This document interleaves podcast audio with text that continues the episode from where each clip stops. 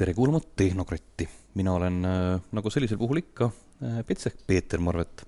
ja tegemist on saatega, mille originaal eetri kuupäevaks on kahekümnes detsember aastal kaks tuhat kaheksa. minu jutuseltsilisteks on äh, sedapuhku kindralleitnant Johannes Kert ja kolonelleitnant Ilmar Tamm. esimene sellepärast, et nii nagu mina olen asjast aru saanud, on paljuski läbi tema tekkinud mõte mm, ja plaan luua Eestisse selline asutus, mis on hetkel tuntud kui NATO kooperatiivse küberkaitse kompetentsi keskus. ja Ilmar Tamm on äh, juhtumisi selle asutuse juht. ja ma tahaksin rääkida kahest äh, poolest selle asja juures. ehk siis äh, ajalugu, et äh, kuidas see tekkis, kust tuli, tulid need mõtted ja kuidas see arenes ja sealt edasi siis see, mis tegelikult see koht on, mida on hakatud nimetama lühendina K5-na, et mitte seda alati pikka kõiki kõhtähti välja hääldada, ja kuhu see edasi liigub, sest et sellega seoses äh, ega ausalt öeldes seda informatsiooni liiga palju ei ole, näiteks kui Google'ist otsida, siis ei leia asutust isegi mitte ülesse, sest et äh, kodulehe peal on öeldud, et otsimootor, mine ära. tõenäoliselt on see seotud äh, küberkaitsestrateegiaga, et niimoodi on võimalik midagi paremini kaitsta. aga hakkame, hakkame pihta sellest, et äh, kust siis äh, kust see kõik asi alguse sai või mida me võiksime sellise, selle mõtteliini niisuguseks äh, alguseks nimetada? kui ma nüüd olen äh, meelde tuletanud äh, kõiki neid äh, kordi, kus ma sellest asjast kuulnud olen, siis tõenäoliselt esimene kord, kui ma niisugusest küber äh, küberkaitsest ja küberväest kuulsin, oli, oli kuskil üheksakümnendate alguses, kus Ameerika Ühendriikide üks äh, tollaseid äh, meie mõistis kaitseministreid äh, lõi Kaitseministeeriumi grupi äh,, kellel käskis äh, käskis siis äh, jälgida Ameerika äh, Ühendriikide kaitsestruktuuride äh, infovahetust ja, ja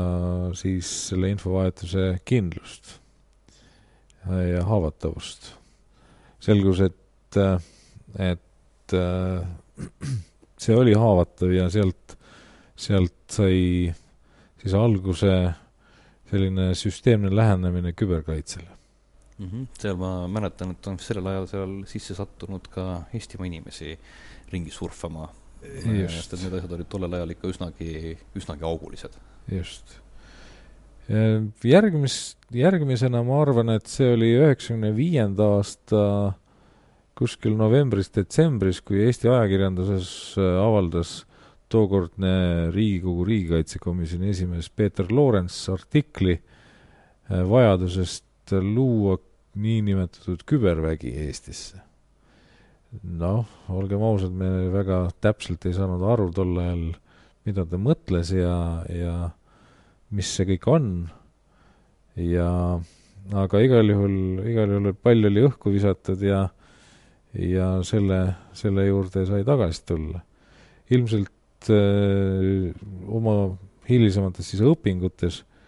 nii, nii mina kui, kui kolonel Ilmar Tamm kui paljud teised äh, ohvitserid, kes äh,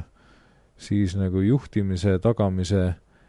ja juhtimisstruktuuride töökindluse küsimustega kokku on puutunud äh,, said, said ka teatud aimu siis on arenenud riikide äh, vastavate selliste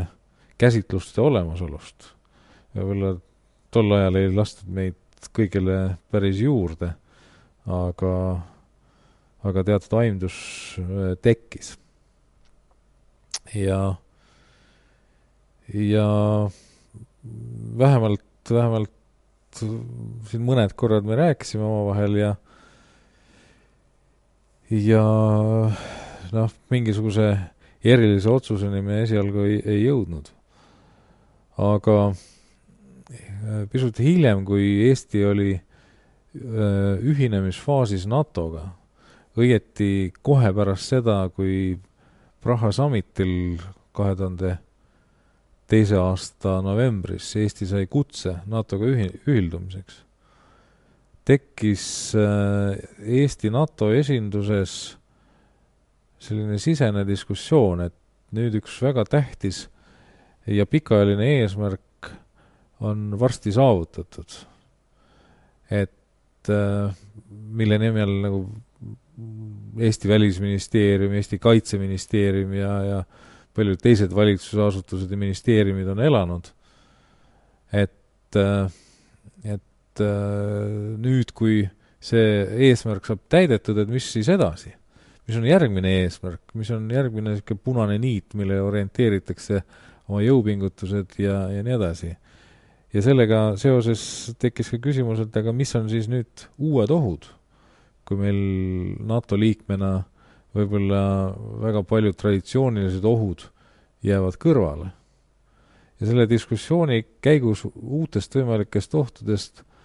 me jõudsime selleni, et, et ka see võib olla teatud määral oht, kui me nüüd NATO liikmesriigina ei suuda ennast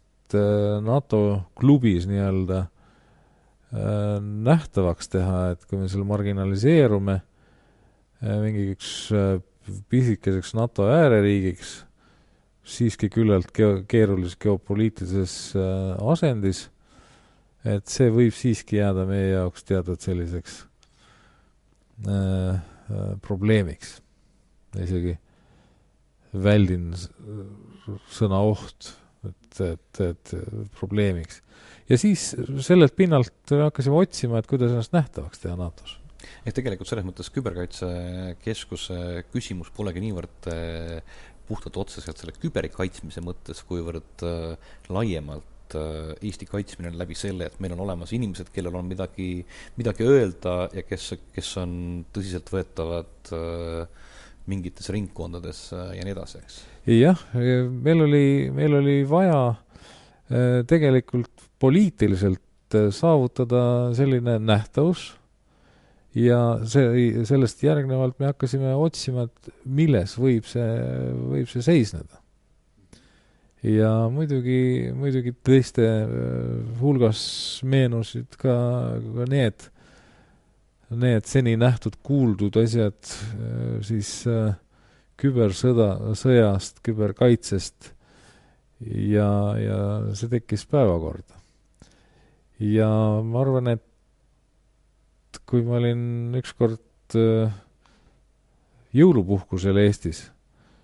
vist kahe tuhande kolmanda aasta detsembris, siis äh, ma kasutasin võimalust ja äh, siinsamas, äh, vist isegi siinsamas majas, kus praegu on Küberkaitse Kompetentsikeskus, saime siin nelja mehega kokku ja need olid Ilmar Tamm, kes on praegu Küberkaitse Kompetentsikeskuse direktor. Äh, Artur Suusik, kes äh, on täna Kaitsejõudude Peastaabi sideosakonna ülem. Ja sama, sama äh, osakonna jaoskonna ülem Raul Rikk, kes on, kes on teinud tohutud jõupingutused siin Kaitseväe sidekooli äh,, sidekooli arendamisel äh, sellele tasemele, kuhu see sidekool tänaseks jõudnud on ja, ja loomulikult äh, ta pani, äh, tema tegevus on suurel määral ka aluse pannud siis sellele küberkaitsekeskuse loomise projektile. kaks tuhat kolm oli sinu töökoht NATO juures, sa olid jah, ma olin juba peaaegu aasta aega olnud Eesti sõjaline esindaja NATO juures. Eesti oli tol ajal siis äh, niinimetatud kutsutud partner, NATO liikmeks kutsutud partnerriikide staatuses. kaks tuhat neli siis me saime juba, aprillis me saime juba NATO täisliikmeks. et seda, seda aega, tähendab, pärast seda, kui need neli meest olid siin omavahel koos istunud, siis toimus minu jutuajamine veel Kaitseväe juhataja ja Kaitseväe peastaabi ülemaga, kes, kes siis pärast väikest mõtlemisaega andsid, andsid oma, oma heakskiidu, et, et me võiksime algatada siis sellise nagu uurimise sellel või analüüsi sellel pinnal, et, et äh, kas see on võimalik ja, ja mis see, mis see siis tegelikult olema saab äh,. Äh, mis siis veel äh,, võib-olla, võib-olla seda, et äh, et pärast seda tookordse tookordse Kaitseväe peastaabi side- ja infotehnoloogia osakonna ülemana kolonel Ilmar Tamm asus siis konkreetset, konkreetset analüüsi teostama ja, ja kirjutas, pakkus välja teatud arenguplaani selle tulemusena. aga võib-olla see on juba asi, millest võiks Ilmar ise rääkida, kuna ta istub meil siinsamas mm. -hmm. Mis oli tegelikult tolle hetke nägemus aasta kaks tuhat kolm ohtudest, mida peaks selle jaoks tegema, kui ta noh, Eesti poole pealt? no minu jaoks, minu jaoks oli tegelikult esimene ütleme, selline tugev käivitus, käivitusfaasi initsiaator oli selline raamat, oli nagu Network Centric Warfare, mis oli ei eksi, üheksakümmend üheksa ta oli ilmunud ja ameeriklaste poolt kokku kirjutatud ja üheks selleks autoriks oli Ameerika õhujõudude ohvitser taustaga, kes siis äh, lahkas äh, väga huvitavalt äh, arenguid, kuidas äh, sõjapidamine tulevikus võiks kujuneda, kuidas see võrgupõhine võimekus võib mõjutada senist juhtimist. Ja, ja sellega haakuvalt äh, tekkisid meile ka mõtted ja ideed, et et kui me viime kogu selle sõjapidamise võrgupõhiseks, siis on ka meil teatud ohud, mida me oleme harjunud mõtlema, kaitsema konventsionaalsetes sõjapidamistes, sõjaplaanide koostamisel, siis eh, ega see põhimõte ei muutu, lihtsalt keskkond tuleb juurde, kus tuleb samu põhimõtteid rakendada ja arvestada. ja arutades siin siis selle väikse seltskonnaga ei ta paratamatult äh, kõik, mis puudutab side- ja infotehnoloogiat, et siis teie sidemehed, tulge välja mõtte ja plaaniga, et kuidas seda asja siis ellu viia ja rakendada. ja õnneks samal ajal äh, NATO-l tekkisid äh, ka mõtted rajada kompetentsikeskused, mis siis ei tähenda, et nendel ainult küberkaitsega tegeleda, vaid erinevates valdkondades. see kontseptsioon sai, sai seal päris kõrgel tasandil sõjalise juhtimiskomitee poolt heakskiidu ka, kaks tuhat kolm aasta lõpp ja mina ja Raul käisime kaks tuhat neli aasta alguses esimesel konverentsil Türgis, kus me siis heitsime selle mõtte välja, et äh, Eestis on, on piisavalt edasi arenenud IT-infrastruktuur, me, me oleme harjunud selle mugavustega ja nende võimalustega, samas võib-olla ei anna aru, et ka millised ohud sellega kaasnevad. et äh, kui, kui neid väikses keskkonnas nii-öelda katsetada ja vaadata, et eh, mismoodi nendele ohtudele on võimalik reageerida, mismoodi neid parandada, et siis see oleks ka kasu NATO riikidele. et siit see asi nagu vaikselt edasi arenes ja mitte, vaikselt võib-olla on vale sõna öelda, et see arenes nagu päris plahvatusliku hooga edasi, mõte võeti väga hästi vastu ja, ja noh, siis oli, oli pigem see poleemika, et me ei jõua nagu reaalsete meetodite, sammudega nii kiiresti järgi. et eh, noh, protsess idee sünnist kuni siis realiseerumiseni täna võiks öelda, et noh, on ikkagi päris kiiresti toimunud, viie aastaga. Algsest kontseptsioonist, kus me lahkasime ka teatud kübersõjavõimekusi, just nimelt sõjapidamise mõttes, mitte ainult ka kaitse, vaid ka sellise ründepoole võimekusi, on, on muidugi poliitilistel põhjustel jäänud teisejärguliseks, kuid hiljuti ma viibisin Norfolgis, kus NATO seltskond arutas äh, just NATO tuleviku perspektiivi ja ja kasutatakse sellist projekte nagu multiple future ehk mit-, laiapõhiline või mitmekesine tulevik. ja ilmselgelt kõikide muude meie globaalset ühiskonda ja maailma ohustavate ohtude osas on, on aru saadud, et inimesed hakkavad järjest rohkem sõltuma äh, infovõrkudest, infosüsteemidest, teenustest ja, ja kui nendele ei piisa, piisavalt ei pöörata tähelepanu ja kaitsemeetmeid ei rakendada ja samas ka vastumeetmeid, mida noh, on, on viisakam ja korrektsem öelda kui ründe, vaid vastumeetmeid, siis äh, NATO on selles suunas äh, mõtteid arendamas, et neid vastumeetmeid on vaja ka kollektiivselt rakendada tulevikus. kuna sinna jõutakse, see on iseküsimus, aga, aga noh, see, see ongi jälle see, see moment, kus äh, kus ma näen, et keskusel on, on tuleviku roll olemas. samas, äh, kui sa pihta hakkasid, siis sa hakkasid äh, äh võrgukesksest sõjapidamisest, mis nii palju, kui mina aru saan, ongi nagu rohkem, rohkem see, kuidas äh, siis nii-öelda see militaarpool ehitab oma süsteemi ülesse ja sealne siis äh, võrgutehnoloogiate kasutamine on vajalik juba sõjatehnika juhtimiseks. Ja me jõudsime sealt äh, suhteliselt kiiresti selle peale, et Eesti on hea näide, kuna me oleme suhteliselt selline mm, IT, IT-rikas äh, ühiskond, ehk me jõudsime siis sealt hästi, hästi kiiresti sellest militarist tsiviilkasutuse ja sellega seoses suhteni välja, et kuidas äh, kuidas see nagu see nägemus hetkel on, kas ta on siis äh, kas te näete ennast rohkem selle network-centric warfare'i poole tegijana või sellena, kes äh, tegeleb sellega, mis on see nii-öelda see tsiviilvõrgud ja sealt, sellest tulenevad äh,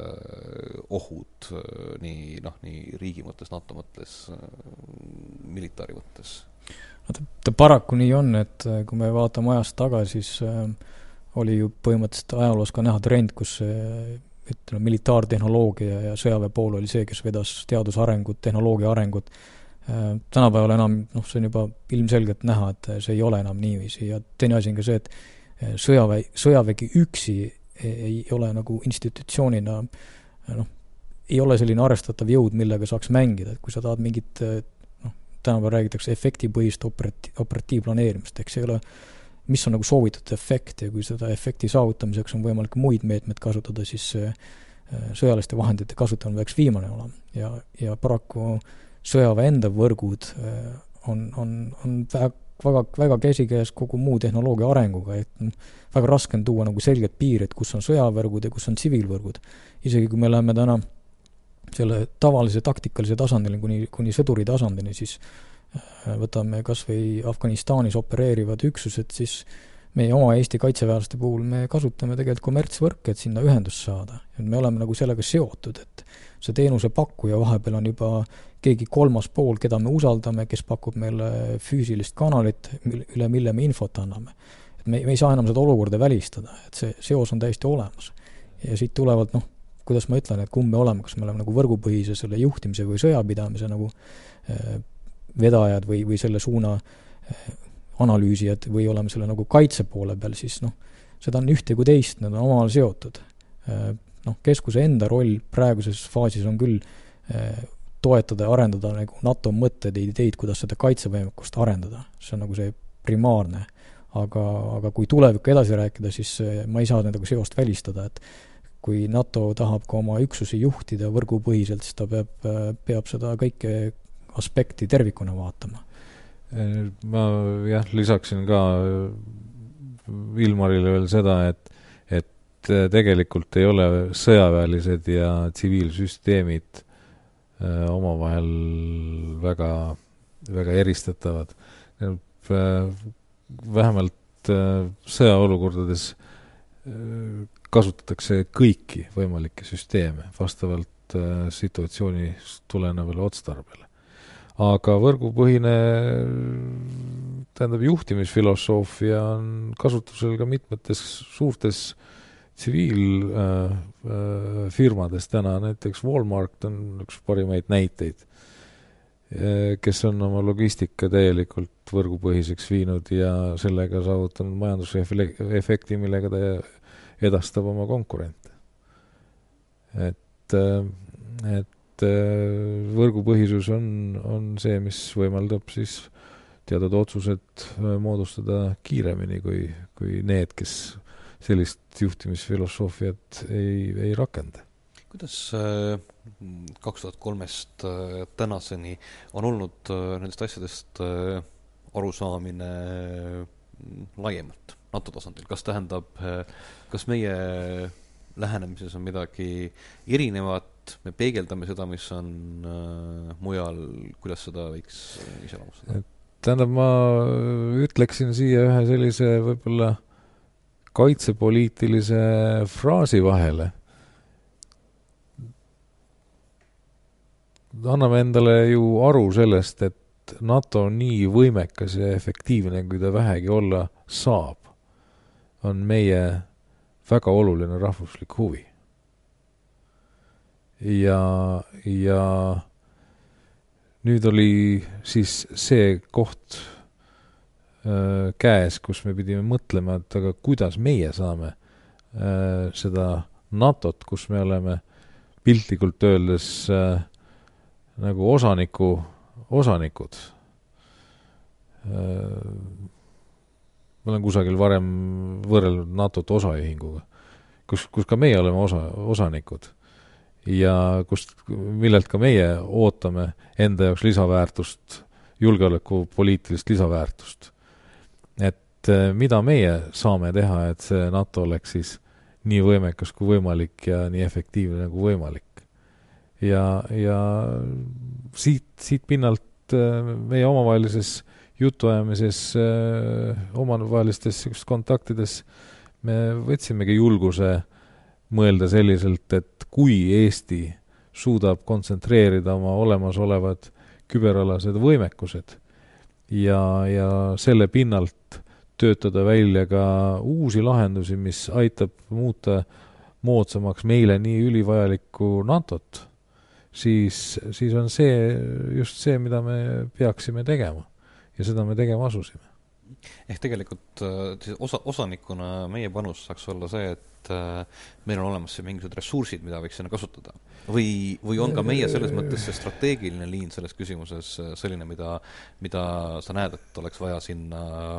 eksportida või sinna sellesse osaühingusse sisse, sisse just, viia, et just. mis, mis see mõtlemine või arusaamine see, seal poole peal on, on see, on see noh,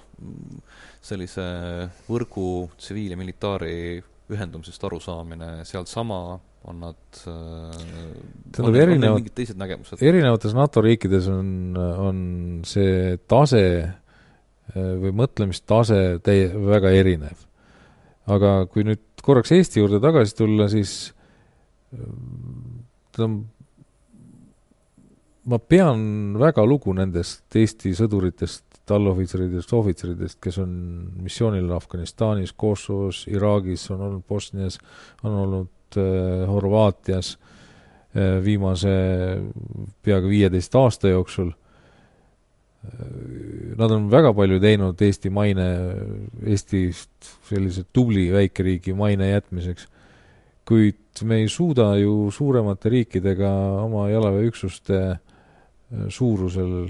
suurusega konkureerida. kui me suurendaksime drastiliselt oma üksusi missioonidel, me läheme pankrotti. tähendab, küberkaitse on saanud äh, äh, teatud Eesti selliseks äh, asjaks NATO-s, kui sellest räägitakse, siis enamasti vaadatakse eestlaste peale, et mis neil on öelda. ja, ja me oleme saavutanud niisuguse tõelise nähtavuse läbi selle,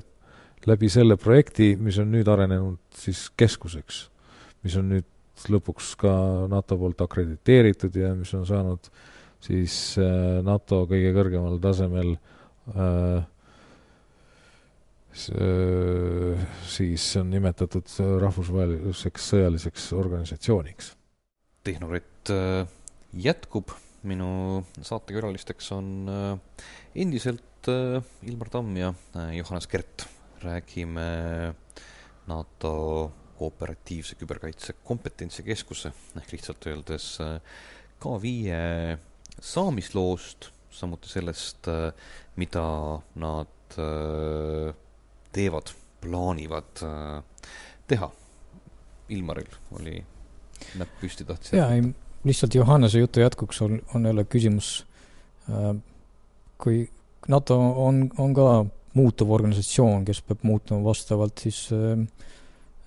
globaalsetele ohtudele, trendidele ja ilmselgelt ka üleüldine teiste riikide soov ja tahe militaarstruktuure tulevikus arendada mõjutab NATO arengut.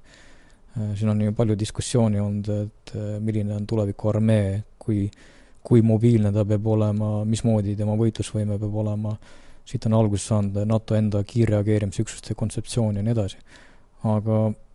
selle, selles valguses nagu ma toetan Johannese mõtet, et kui palju eh, Eesti kaitsejõud suudaks nagu oma tavapäraste üksuste tootmise läbi sinna panustada. ilmselgelt meil on vaja nagu enda nii-öelda riigikaitse seisukohalt seda ja ühiskonna kujundamise ja kaitse, isamaalise kaitse arendamise seisukohalt seda võimekust säilitada. nüüd eh, küberkaitse valdkond siia juurde oli, oli üks eh, võimalus nagu tuua välja nišši või mingit kindlat sellist äh, võimekust. ja mis, mis oli vähemalt minu jaoks eriti atraktiivne, et me nägime algusest peale, et, et see ei ole puhtalt Kaitseväe roll ja ülesanne, vaid Kaitsevägi peab paratamatult tegema koostööd ja looma sidemed meie teadus- ja, ja erasektoriga, et siin kõik need minu isiklikud kontaktid ja läbi teiste inimeste tekkinud sidemed siin meie panganduses olevate IT-turbejuhtidega ja, ja see, see lihtsalt, see, see on eelis, et sa oled väike ühiskond, kõik tunneb üksteist, sul on sotsiaalne võrgustik, kui me räägime asjadest, siis me, me saame ka lõppkokkuvõttes sellest asjast ühtemoodi aru. NATO-s seda serveerida alguses oli, oli mõnevõrra isegi nagu revolutsiooniline, sest et kõik ei võtnud seda vastu, et käite mingite pangameestega rääkimas?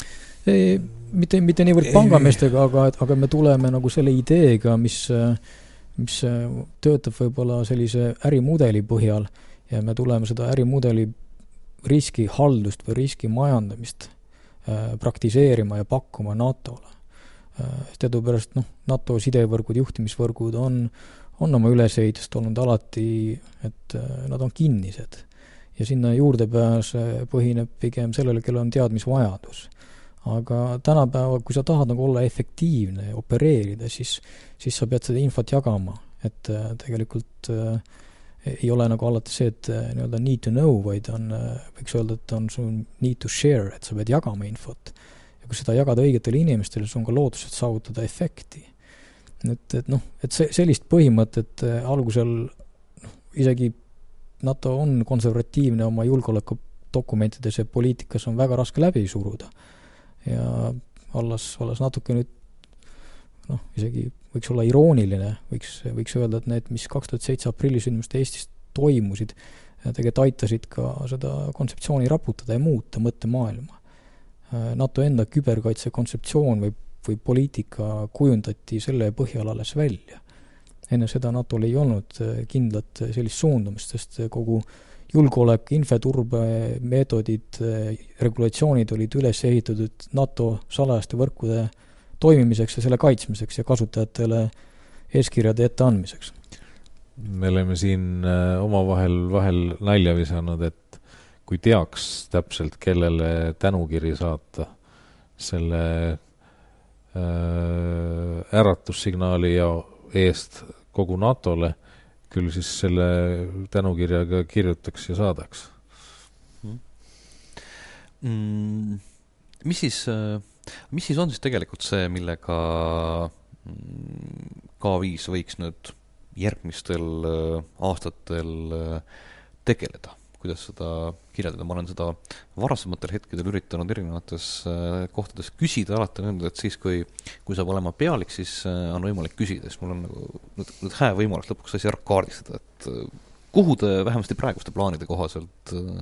plaanite jõuda, mis see, mis see töö on? no pealikul peab alati olema visioon ja, ja seda visiooni, visiooni siis tuleb, tuleb nagu ka ellu viia, noh. ma pean jälle selle juures, kui ma oma visiooni nüüd siin püüaks hästi lühidalt öelda, pean nagu esile tooma seda, et NATO-s üritatakse vältida igal, igal sammul dubleerimist ja et ei, mitmed organisatsioonid ei teeks samu asju, millel, mille peale kulutatakse ressurssi, kuigi keskusel ei ole nagu selles osas NATO ühiskatlast või ühisrahastusest mingit äh, finantsilist tuge võimalik saada otseselt. aga mida me oleme siin omale eesmärgiks seadnud, on just see, et see keskus äh, põhineb just äh, teadus- ja arendustegevuse suuna ja selle äh, kui, kui NATO-l on, on teatud piirangud oma tulevikusõja pidamiste võimekuste arendamisel, vaadata siis, et kuidas riigid selles juures käituvad, siis keskusel seda piirangut ei ole, me võime, võime täiesti vabalt kontakteeruda siin ka muu maailmaga, ka mitte NATO riikidega, are-, arutada seda teemat, kuidas nemad räägivad, ja nemad näevad oma rahvuslikust seisukohast tuleviku võimekust, siis see on nagu see nišš, kus me saame neid asju äh, korjata kokku, panna sealt, äh, filtreerida välja need võimalused, mis, mis võiksid olla NATO riikidel ühised, noh, mina nimetan lühidalt nagu, nagu best practice approach on, et me kasutaks nagu äh, välja töötatud mudeleid või siis ka ennast õigustanud praktikaid, mis, mis on näidanud, et need asjad töötavad ja need võiks leida rakendust. ja, ja seda, seda siis ka suruda teistpidi Äh, NATO poliitika kujundajatele nina alla, et vaadake, et siin on nagu need asjad olemas, et miks mitte, te võiks neid asju arvestada ja, ja neid ka äh, rakendada nii-öelda NATO-s kollektiivselt. seda enam, et noh, mis on põhiline dilemma või ütleme, niisugune probleem selle valdkonna juures on see, et äh, kogu kollektiivne kaitse ja, ja, ja NATO poliitika ikkagi on üles ehitatud nende traditsioonilistel piiritletud ja määratletud Äh, geograafiliste ulatuste ja võimekustega. ja, ja kui me, kui me jätame nüüd välja kosmose ja, ja ütleme seal satelliitiühendused ja muud, mis seal toimuvad, aga see on ka nagu enam-vähem kindlate riikide pärusmaa, kes, kes seal opereerivad, siis äh, küberruum kui selline ei ole, ei ole nagu üldse nii selgelt määratletav. ja kuidas seal opereerida, kuidas seal toimida, ei pea olema suur riik. võib olla täiesti, täiesti nagu väike riik, aga aga võid tekitada suurt olulist kahju ühiskonnale, kes sõltub selles ruumis toimuvast. ja tõenäoliselt ei pea olema isegi mitte riik, võib olla ka väga vabalt äh, mitte riik. just nimelt, noh, see on, see on nagu puht juriidilisest aspektist on, on ka nagu omaette valdkond, mida poliitiline grupeering. Mida, mida keskus nagu tahab ka võtta, on ka võtnud omale üheks prioriteediks, me üritame lahata ja vaadata ka neid äh, juriidilisi aspekte, mis on seotud küberruumis Äh, opereerimise, tegutsemisega ja mitte, mitte niivõrd ainult, äh, milline on siis see sõjaline efekt ja sõjalised meetmed, kuidas seda küberruumi saab kasutada ja, ja kas on võimalik konventsionaalseid sõjaõigusi rakendada, mis on tänase seisuga võib öelda kohe, et ei saa. Aga et kui selline pretsedent tekib, et aga mida siis saab? mida siis saab, just nimelt. et need asjad on, on nagu need, mida me tahame siin järgmise kahe-kolme aasta suunas leida parimate praktika, parimate kogemuste põhjal kokku panna ja, ja pakkuda seda NATO riikidele, NATO-le. mida sa selliste best practice juhtumitena näed, on sul midagi, mida sa saad kommenteerida, mida sa näed, et ahah, et näed, et see on tegelikult see, mille kohta tuleks mm, info kokku koguda ja sealt tõenäoliselt tuleks välja selline asi ja selle saaks panna niimoodi laua peale või on sul midagi sellist? no ütleme, õiguspoole pealt on, on on nüüd uuritud, äh, analüüsitud viimaseid juhtumeid ja viimaseid noh, ma võiks öelda ikkagi küberintsidente, kuna küberrünnak kui selline on ka eh, keegi võiks küsida minu jaoks, et defineeri küberrünnak, siis on väga raske seda defineerida, et äh, seda NATO-s ühiselt aktsepteeritud definitsiooni täna veel ei ole, et nii-öelda serveri või IT-administraator äh,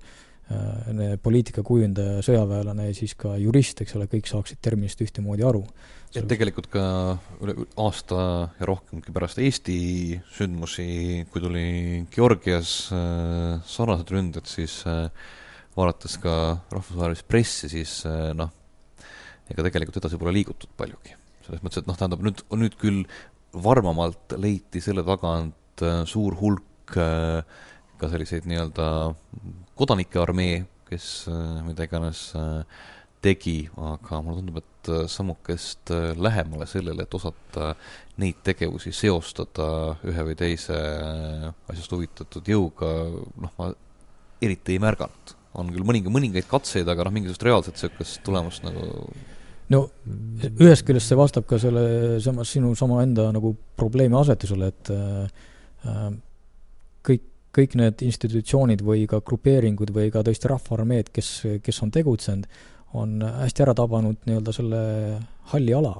kus, kus ei ole ära määratud, et et kõik, mis sa teed, sa pead kandma ka vastutust, sest ei ole reguleeritud, meie kui demokraatliku ühiskonna jaoks on see, et sa ei saa enam inimest süüdi mõista, kui sul on võimalik tõestada, et ta on süüdi. ja kusagil on mingi paragrahv, mis siis kinnitab, et äh, sa oled kas äh, mingi terrorismiteo vastu kriminaalkuritegu või, või siis on, on tõesti, me räägime haldusrikkumisest, see on nagu huligaansus, tahtmatult tekitatud jama. et äh, noh, siit tulebki välja see just nimelt see juriidiline pool, kus, kus äh, väike seltskond, kes meil siin täna on, kes on kontak-, kontakteerunud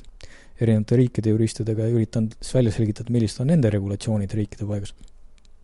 Äh, tõenäoliselt on, on esimene samm,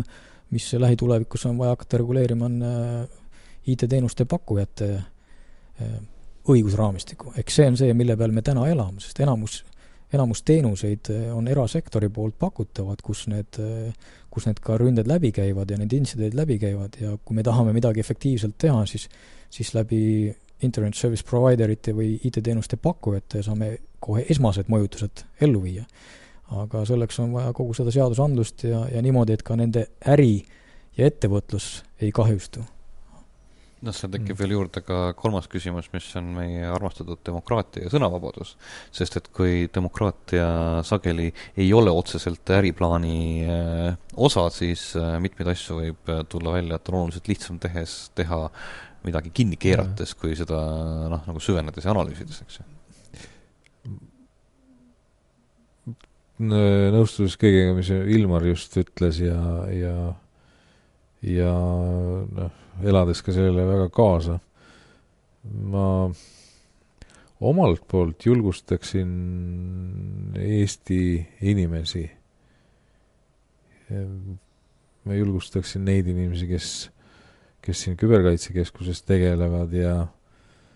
ja ka neid, kes, kes meile kaasa mõtlevad, tegelikult selliseks teatud intellektuaalseks jõupingutuseks meil on äh, küllaltki unikaalne kogemus kahe tuhande seitsmendast aastast, me oleme hiljem nüüd jälginud pingsalt seda, mis on juhtunud Leedus, Tšehhis, Gruusias. Me peaksime loomulikult kuulama ära selle, mis on teistel öelda. aga ma arvan, et äh, meil olemasoleva kogemuse pinnalt me peaksime julgemini müüma oma ideid ja pakkuma neid välja äh, siis sellisteks, kui soovite, siis NATO või siis koguni rahvusvahelisteks standarditeks. samas, kui me võtame, vaatame ka meie sündmuste analüüsi, ehk mis Eestis äh, toimus kaks tuhat seitse, siis äh, noh, omamata küll kõigele ligipääsu, ma tegelikult ei leia ühtegi head äh, analüüsi, mis äh, vaataks seda asja, olgu siis nagu sügavamalt tehnilise poole pealt või selle taga oleva rahvaarmeelise käitumise poole pealt äh, mida iganes, ma, ja ma kujutan ette, et tegelikult selline informatsioon võiks ka suhteliselt olla, kui see oleks olemas, võiks ka olla suhteliselt avalik vähemasti juba praeguses äh, ajalises kauguses sellest, sest et äh, muudes keeltes äh, ma leian võrdlemisi head, vabalt kättesaadavat teksti internetist, mis seda teeb, paraku Eesti lahendust välja tuua mul ei õnnestu, kui keegi küsib, siis tegelikult me võime rääkida üldiselt jah, ma ja, ja ja ma olen märganud, et meil on olemas küll päris palju tehtud tublide inimeste poolt äh, juriidilist analüüsi selle, seesamasse teemasse, mm, mille tulemusena on toimunud seadusandluses muudatused, millest mõningaid punkte võib äh, ka tõlgendada kui niimoodi, kui äh, küberkaitsealase tegevuse kriminaliseerimist Eestis, nii et noh, tähendab need ja, ja, ja seda ka rääkides noh, on näha, et tegelikult seda arusaamist ka, ka noh, ka meil tegelikult veel sügavamalt ei ole, et kuidas me nagu, kuidas me nagu sellest olukorrast nagu üle saaksime, kui jätta võimal-, välja või variant, et Marvet ei, ei iriseks lihtsalt sellel teemal, mis loomulikult parandab ka olukorda, aga äh, siiski, selle Eesti case'i kohta on oma, on oma selline äh, uurimus või nägemus rootslastel, on olemas ameeriklastel äh,, ka meil on teatud lõppraport, see, see lõppraport ei, ei rahulda mind loomulikult, kuid, kuid me ju ei oodanud neid rünnakuid, me ei olnud tegelikult ju nende rünnakute äh, salvestamiseks näiteks valmis ja tegelikult ei õnnestunud ju tegelikult meie kaitsjad tegelesid põhilise osa nende rünnakute tõrjumisega, mitte nende logide salvestamise ja, ja selliste asjadega ja see on tegelik põhjus, miks, miks me ei saa ka väga, väga täpselt välja selgitada, et kes ja kus need ründed siiski toime panid. no samas, kui me võtame ka praeguse Georgia äh, juhtumi näiteks, siis ma saan aru, et meie Välisministeerium oli nii tubli ja aitas mõjutada mõningaid nende olulisi veebisaite ja kolida nende infokanali üle Google'i halduses oleva blogeri peale, aga on meil olemas siis selle kohta doktriin või, kuidas siis sellistes äh, oludes käituda, on meil kusagil olemas äh, kindel juhiste hulk, sest et mulle tundub, et äh, hetkel poolteist aastat pärast sündmust oleks võinud olla olemas mingisugune käitumismudel mitte lihtsalt, et tublid tublid ametnikud mängisid seda nii, nagu nad olid õppinud või nagu nad, nagu enda isiklikud kogemused olid. noh, mina, mina ütleks seda, et äh, kindlasti ta kaks tuhat seitse aasta sündmused tõstsid Eesti ühiskonna teadvust ja et selline äh, ka selle valdkonnaga tuleb tegeleda. pigem on, pigem on võib-olla see, et, et seda tuleks nagu tõsisemalt eh, praktiliselt ka läbi teha, kas siis eh, nii, nii nagu meil on siin üleujutused ja muud eh, suure loodusõnnetused, kus on kriisi, kriisireguleerimise, kriisiõppused ja harjutused, ka selles valdkonnas, ega siin põhiküsimus on koordinatsioonis, omavahelises suhtlemise, infovahetuses ja, ja kuna see mastaap võib väljuda nagu Eesti riigi äh, ja oma võimekuse piirest, siis on vaja sinna lisada nagu teine, teine dimensioon või domeen, võiks öelda, nagu infotehnoloogias, kus siis on vaja leida need meetmed ja vahendid, kuidas siis äh, näiteks Euroopa ülejäänud CERD-id saaksid toetada ja mismoodi, et noh, Gruusia näide oli hea, et reageeriti just äh, jälle paindlikult, aga jälle noh, sa võid öelda õigesti, et ei ole doktriini, et me saatsime, CERT saatis oma spetsialist koha peale, kelle kaudu sai hästi tervikülevaate, vähemalt meie saime enda jaoks selge pildi, mis seal on ja mis seal ei ole ja kindlasti selle põhjal tekkis ka need otsused, et äh, mida saab Eesti pool kiiresti teha ja pöörduti siin äh, Sony poole, Sonyst leiti serveri mahtu ja toodi osa lehti üle. Ja sama põhimõttega käitusid seal Ühendriigid ja, ja veel Euroopa riigid, kes siis toetasid neid asju. aga see, seda ma nimetaks jälle koonduvalt, koonduvalt on selline nagu tekib äh, best practice või tekib niisugune nagu hea õppetund. ja ja, ja need on vaja tõesti kuhugi salvestada ja, ja need, need oleksid noh, ei pea nagu jalgratast leiutama, et need on need meetmed, mida saab alati kasutusele võtta. samas see ei ole, see ei ole piibel, mis kirjutatakse lõpuks valmis ja seda hakatakse kuulutama välja kui jumala sõna ja kõik peavad seda pimesi uskuma, et, et, et me peame olema siin nagu paindlikud, et see, see tehnoloogia areng, mis on toimunud viimase kümne aasta jooksul, me ei, me ei, ei saa samamoodi prognoosida ette, mis järgmise kümne aasta pärast on, et me peame olema täpselt äh, äh muutuvad ajas, ruumis ja, ja ka siis mm -hmm. samas, samas sellega lihtsalt, kui ma veel kord vahele võin torkida, siis äh, sellega on see probleem, et äh, sellised niimoodi äh, improviseeritud lahendused äh, toimivad olukorras, kui on sündmus suurusega Georgia. Ja nüüd äh, lähme astume koos sisse ühte Eesti ministeeriumisse, viskame kulli kirja, valime, millisesse ministeeriumisse me astume sisse. Ja vaatame, kas nende mm, kommunikatsioonistrateegia üldse on eelnevalt arvestanud millegagi, mis on sinna suunda ja ma pakun üsnagi suurt tõenäosust, ütleme niimoodi, seitsekümmend viis protsenti üle selle, et äh, tegelikult pooleteist aasta taguse asjast äh, õpitud ei ole. võib-olla IT-osakond äh, on natukese veel kinnisem ja kraane rohkem kinni keeranud võrreldes varasemaga, aga seda, et oleks tekkinud valmisolek, ei ole. et see noh, see, see tõenäoliselt võiks olema mingi asi, mis võiks äkki tulla nagu läbi, kas läbi teie või kust, kust see võiks üldse jõuda? Küberkaitse kompetentsikeskuse üks ülesandeid äh, me kinnitasime ju tööplaani äh, juhtkomitees äh, oktoobri lõpus. üks ülesanne ongi NATO jaoks teatud doktrinaalseid dokumente toota. doktriin ei ole kindlasti dokument, kus tuleb näpuga igal real järge ajada, doktriin on pigem mõtteviis, mida me tahame õpetada inimestele ja, ja e me eeldame siiski jätkuvat äh, paindlikkust. Äh, ilma selleta me jõuame ummikusse. mis on Eesti riigi minu hinnangul üldse kõige suurem puue täna, on ebapiisav ametkondade vaheline, ametkondade ja ministeeriumite vaheline koostöö. Tähendab, küberkaitse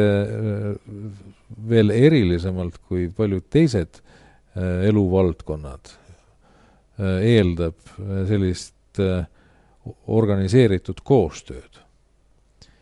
Eestis on käesoleva aasta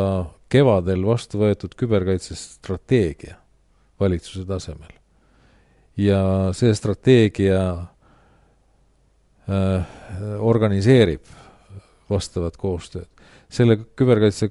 strateegia rakendusaktid ei ole tänaseks veel valmis. selle, nende rakendusaktide väljatöötamine osutus raskemaks, kui eh, meist keegi oleks oodanud. Eh, kui veel eh, sellised IT inimesed nendes ministeeriumites, kes vastutavad siis võrkude eest, võrkude turvalisuse eest ja nii edasi, saavad nendest, sellest tähtsusest aru, siis ka nemad ei suuda seal ministeeriumis äh, midagi suuremat korda saata, kui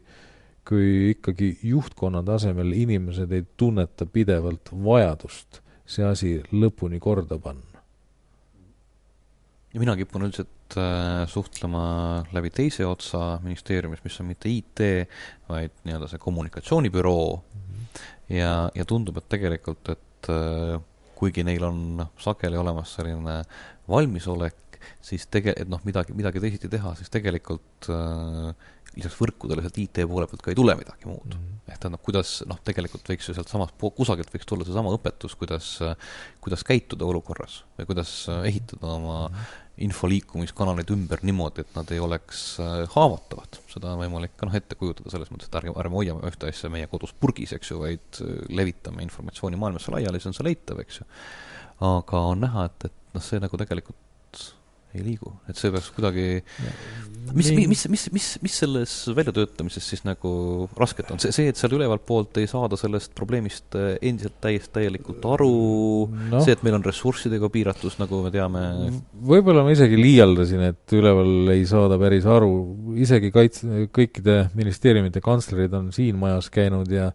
ja, ja siin tehti neile päris äh, efektiivne demo, et et, et millised võivad olla ohud konkreetselt teile ja, ja, ja nii edasi. aga, aga ma väidan, et lihtsalt äh, nii, nii väikese, nii väikese riigi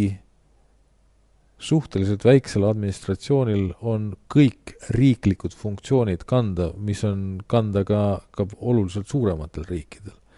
ja, ja väike arv riigiametnikke peab tegema ära võib-olla proportsionaalselt oluliselt suurema töö kui, kui suuremate riikide sama arv ametnikke ja, ja nad on lihtsalt ajahädas, nad väsivad ära ja, ja kui tulevad uued niinimetatud stressorid äh, väljale, siin majandusprobleemid ja, ja nii edasi, siis need, need probleemid, mis on, mis on ka strateegilised, aga hetkel just ei ole aktuaalsed nad päevakorras, jäävad tahaplaanile. ja, ja siin on, siin on võib-olla lihtsalt see, et kuivõrd tunnetatakse seda küberohtu jätkuvalt? ma võib-olla ütleks ka seda, et, et pigem on meie, meie ühiskond, ütleme ka institutsioonid ja riigiaparaat suht hästi mobiliseerub, kui, kui tekib selline tõsine oht ja ühine vaenlane. aga nii, kui see oht on likvideeritud, siis praktiliselt leitakse, et sellega see situatsioon on lahendatud. ja tihtipeale, kui tekib hiljem analoogne või, või sama, samalaadne olukord ja ja kui saadakse aru, et sellest eelmisest õppetunnist ei ole palju midagi paranenud, siis keskendutakse, kulutatakse meeletut energiat, kes on süüdi, selle asemel, et siis leida see kiire ja parim lahend ja lõpuks ta ellu viia. noh, võib-olla see on minu nüüd isiklik nägemus, et meil on paratamatult ikkagi on teatud lõhe erinevate generatsioonide vahel ja seega mängib mingil määral rolli, kuidas me asjadele läheneme, kuidas me asjadest aru saame ja kuidas me tahaksime neid ellu viia. et minu jaoks on, on teinekord see võtmesõna on, et kui meil on selge tahe ja soov, siis me teeme selle ära. Kui seda tahet ei ole, siis, siis ei liiguta mitte ükski vägi seda, seda probleemi sellest kohast edasi, kus ta just täna hetkel on. jah, küberkaitse kompetents, kompetentsikeskuse üks tähtsaid ülesandeid NATO-s, aga Eesti on ka NATO riik, ongi teadlikkuse tõstmine ja vastava siis ka panustamine siis ka vastavasse koolitusse mm,? selle punkti pealt on meil tõenäoliselt äh, paras ka ring äh, kokku tõmmata, olles äh, alanud pihta lähenemistest läbi võrgukeskse sõjapidamise, oleme me jõudnud selleni, kui palju on tegelikult vaja teha seda sellist äh, kõrvalist ja tõenäoliselt äh, vähem huvitavat, aga kindlasti mitte vähem vajalikku selleks, et äh, tekiks äh, valmisolek tulla to,, tulla toime tulevikuprobleemidega, mis ei pruugi iseenesest olla kaugeltki puhtalt küberrünnete kesksed, vaid võib-olla, võib-olla rohkem sellest samast vallast, millega Johannes alustas, kui ta rääkis, miks äh, miks äh, oli küberkaitse kompetentsikeskust vaja, ehk see ei ole puhtalt küberkaitseks, vaid see on selleks, et Eestil oleks äh, olemas sõnum ja seda sõnumit on meil suhteliselt sageli nii see kui see. kahtlusväärselt vähe, nii see kui see. aitäh äh, vestluskaaslastele, kelleks olid sedapuhku Johannes Kert ja Ilmar Tamm. tehnokratt lõpetab K5 raamatukogust äh, Filtri teel ja on teiega järjekordselt järgmisel nädalal samal ajal äh, samas äh, kohas raadioeetris. seniks aga nagu ikka, lehv-lehv ja kohtumisteni